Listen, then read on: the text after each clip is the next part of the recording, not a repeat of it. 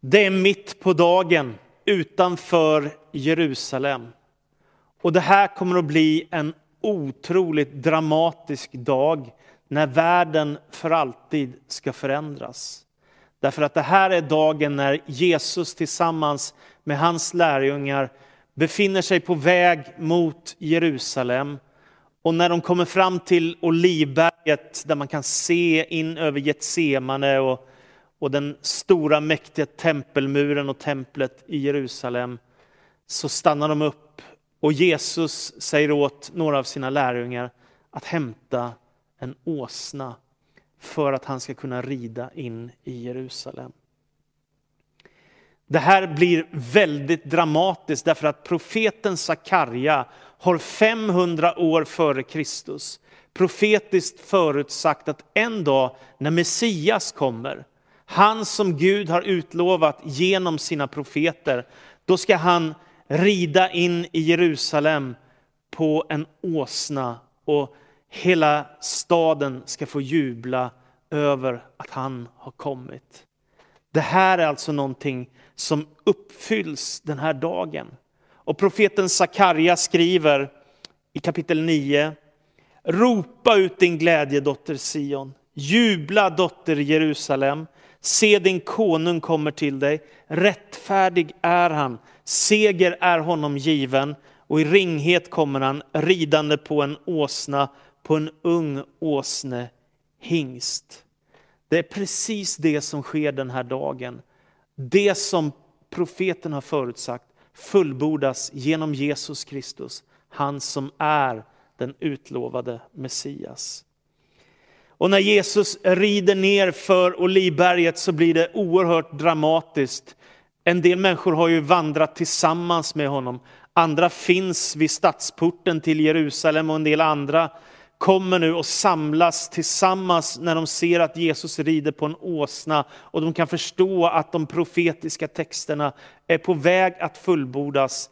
Då blir det en gigantisk folkmassa som samlas både framför Jesus och bakom honom och som börjar ropa texten ifrån Saltaren 118 där det står Välsignade han som kommer i Herrens namn. Och folket ropar Hosianna Davids son, välsignad är du.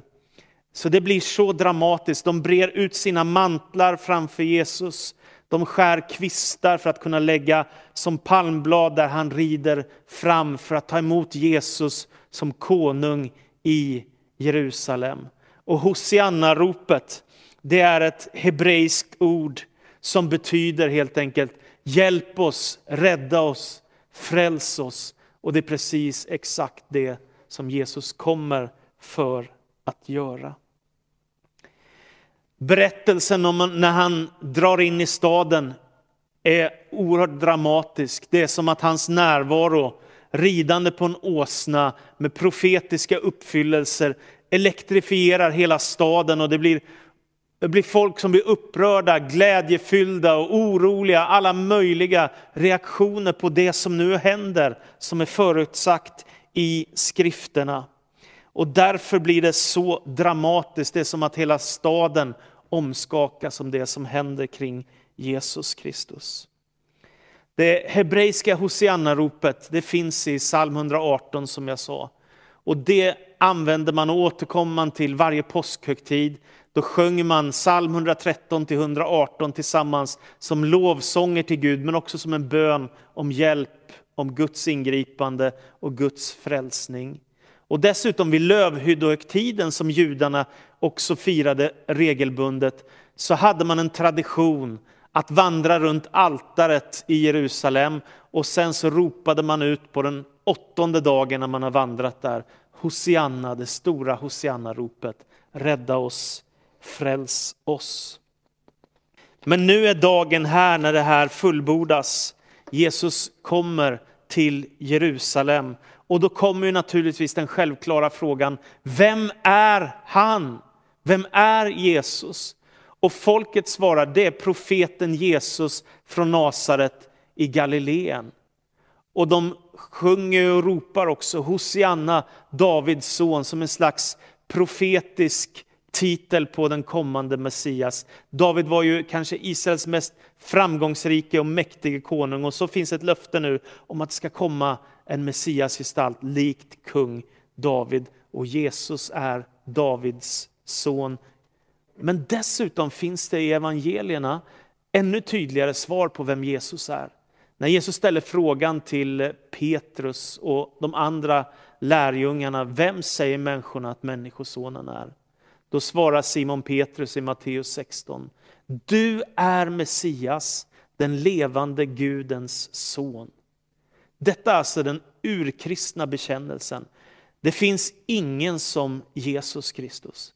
Han har namnet över alla andra namn. Han är inte bara profet, han är inte bara den utlovade Messias, han är den levande Gudens son och världens enda frälsare. Det är därför det är så stort att få lära känna Jesus och öppna sig för honom när han vill förändra världen och framförallt ditt liv. En av bibeltexterna för advent är hämtad ifrån Lukas 4 och så här står det då i den texten om varför Jesus har kommit. Han kom till Nasaret, Lukas 4 och 16, där han hade växt upp och på sabbaten gick han till synagogan som han brukade. Han reste sig för att läsa och man gav honom profeten Jesajas bok. Och när han öppnade den fann han det ställe där det står skrivet Herrens ande är över mig. Han har smort mig till att frambära ett glädjebud till de fattiga. Han sänt mig att förkunna befrielse för de fångna och syn för de blinda. Att ge de förtryckta frihet och förkunna nådens år från Herren. Han rullade ihop boken och gav den tillbaka till tjänaren och satte sig. Alla i synagogan hade sina blickar riktade mot honom. Då började han tala till dem och sa, idag har detta skriftställe gått i uppfyllelse inför er som lyssnar på mig. Alla prisade honom och häpnade över de ljuvliga ord som utgick ur hans mun. Också detta är en dramatisk profetisk händelse i Jesu liv. Han citerar profeten Jesaja från det 61 kapitlet och han säger Herrens ande är över mig, den helige ande. Han har smort mig till att förkunna glädje för de fattiga, syn för de blinda, att ge de förtryckta frihet och förkunna ett nådens år ifrån Herren. Detta är evangeliet. Jesus Kristus kommer inte för att trycka ner människor. Jesus kommer inte för att göra människor religiösa. Jesus kommer inte för att göra livet besvärligt för oss. Utan Jesus är den store befriaren. Han är mästaren från Nasaret som kommer för att upprätta och hjälpa människor.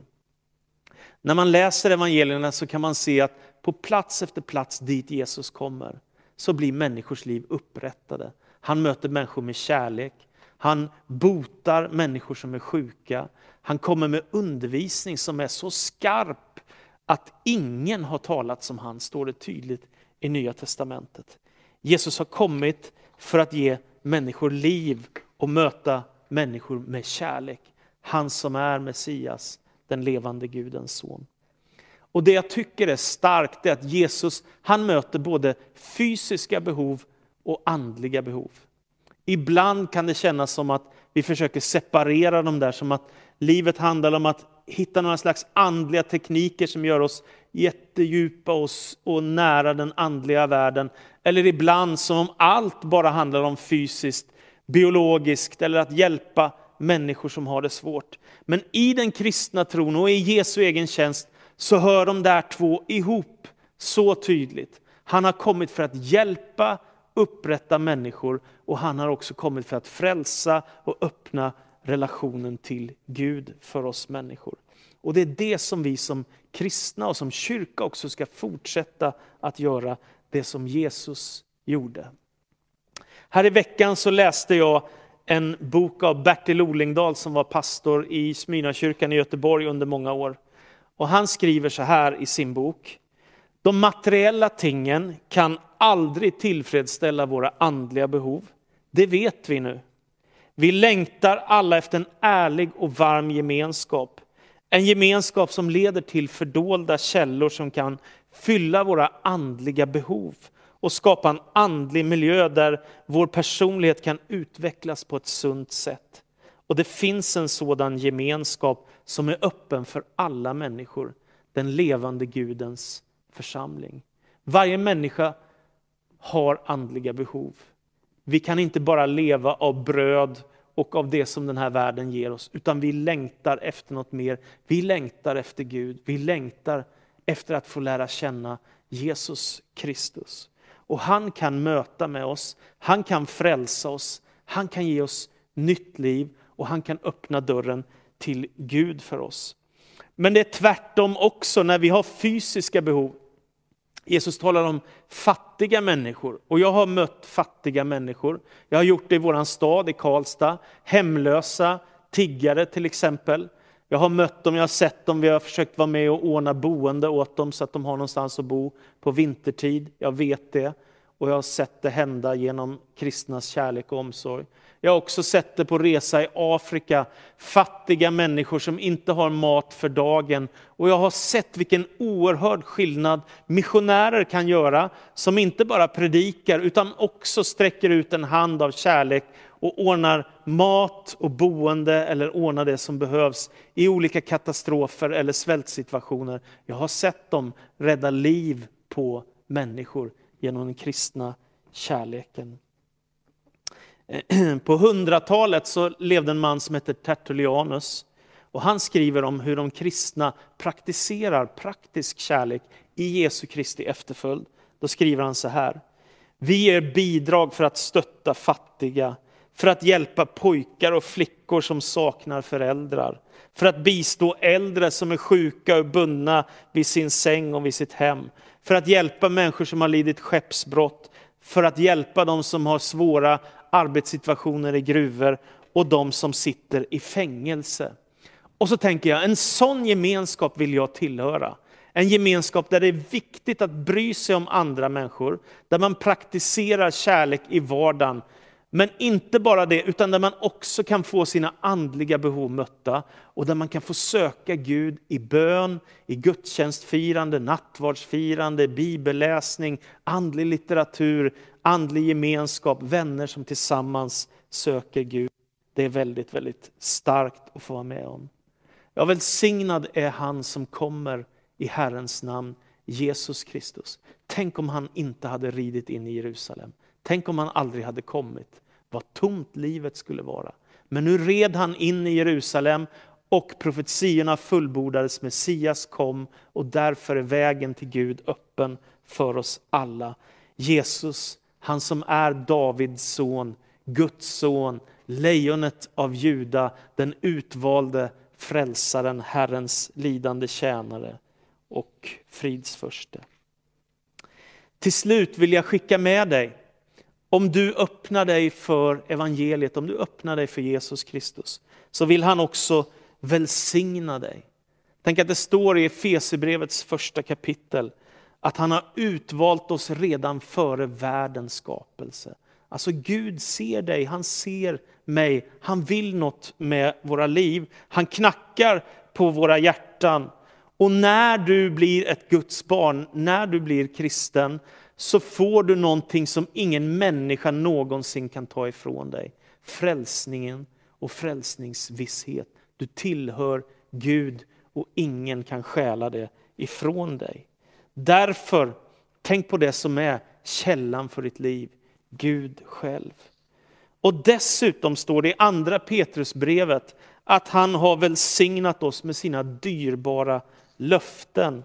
Det som Gud har förberett för oss. Det som Gud har sagt, det kommer att fullbordas förr eller senare. Det som han har lovat i sitt ord. Och de löftena gäller oss. Han har lovat att vara med oss alla dagar.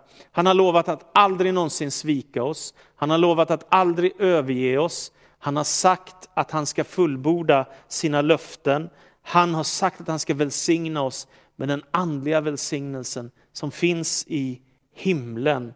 Och han ska en dag besegra allt det onda. Alltså Gud är med dig i din vardag.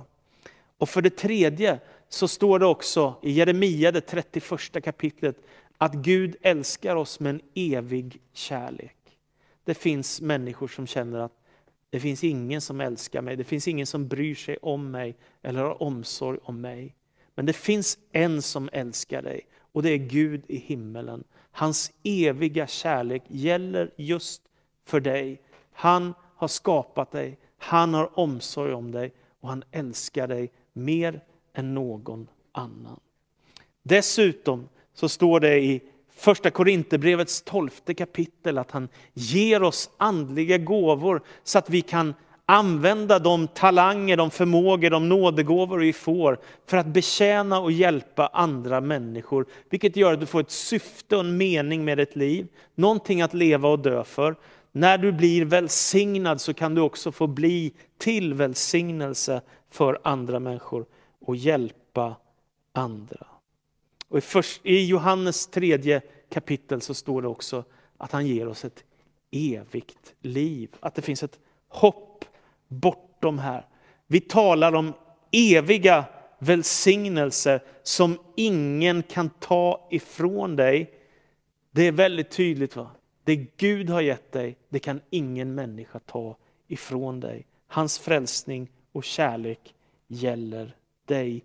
Ingenting kan skilja dig från Guds kärlek. Och till slut i Apostlagärningarnas första kapitel det finns ett löfte om att Jesus en dag ska komma tillbaka. Advent handlar ju om ankomst, att Jesus en dag ska komma tillbaka från himlen. Det finns ett hopp om att en dag få se Gud ansikte mot ansikte och för evigt vara hemma hos honom. Så det finns så mycket att vara tacksam för. Så ändligt mycket att vara tacksam för. Kanske är du tacksam för din bostad, eller för din familj, dina barn. Eller kanske är du tacksam för det arbete du har, eller för att du kunde köpa en bil eller någonting annat. Men tänk på källan till hela ditt liv, välsignelserna som finns där. Djupast sett så är det gåvor ifrån Gud som kommer att finnas där i hela ditt liv och hela vägen in i evigheten. Därför kan vi be den här bönen som finns i en sång. Och när andra du välsignar, gå ej mig förbi, utan Jesus låt mig också bli välsignad. I Filipperbrevets fjärde kapitel till slut så står det i 19 versen. Min Gud ska med sin härlighets rikedom i Kristus Jesus fylla alla era behov. Amen.